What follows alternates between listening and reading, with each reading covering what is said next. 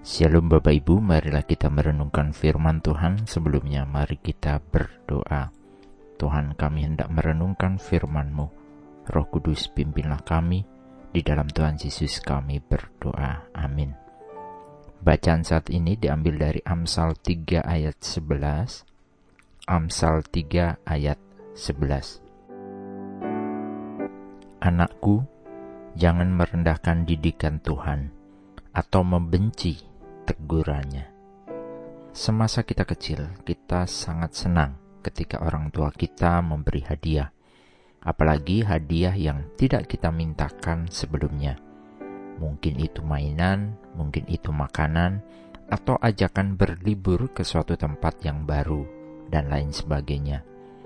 Hal itu terasa membekas dalam kehidupan anak-anak saat itu, bahkan mungkin terbawa dalam mimpi indah masa kanak-kanak kita.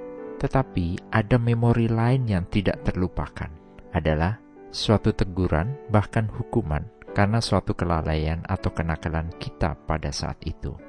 Jika kita renungkan kembali, ternyata hidup ini adalah juga kombinasi antara penghargaan atau hadiah, juga hukuman atau teguran.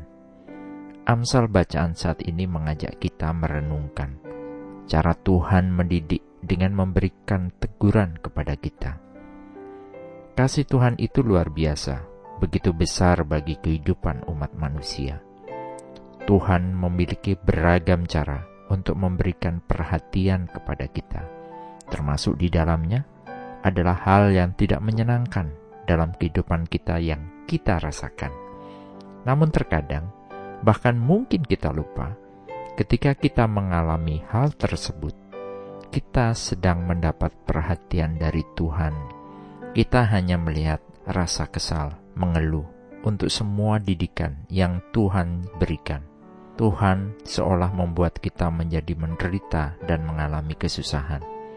Dan kita menganggap bahwa Tuhan tidak mengasihi kita. Tuhan, aku sudah mengikuti Engkau.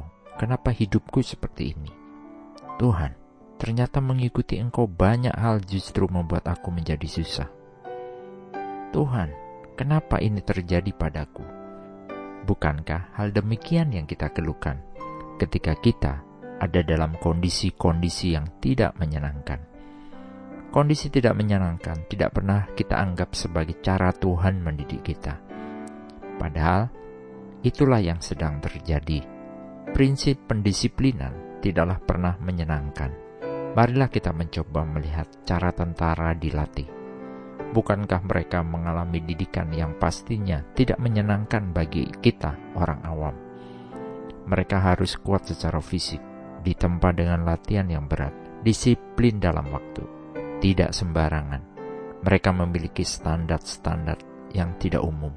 Inilah prinsip disiplin yang harus dilalui, menjadikan mereka memiliki kemurnian dalam kehidupan kemiliteran mereka dan prinsip yang kuat khususnya untuk menjaga kesatuan negara.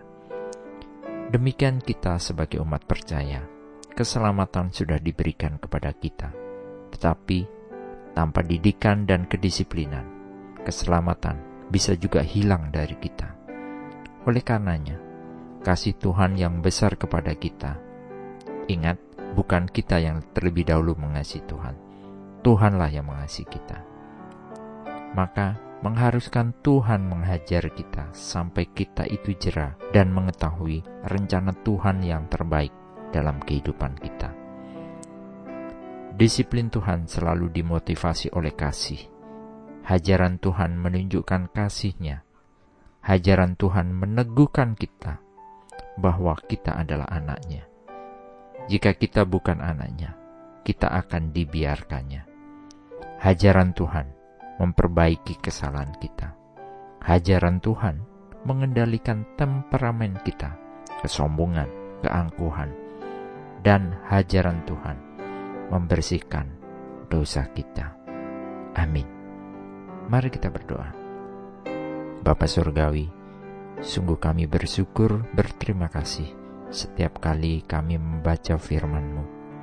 Firman-Mu menguatkan dan meneguhkan kami Ketika kami ada dalam pergumulan, ada rencana Tuhan yang luar biasa bagi kami, yaitu supaya kami bertumbuh dalam iman kepada Tuhan.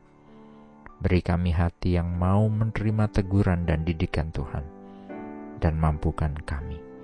Dalam Tuhan Yesus kami berdoa dan memohon. Amin. Tuhan Yesus memberkati. Shalom.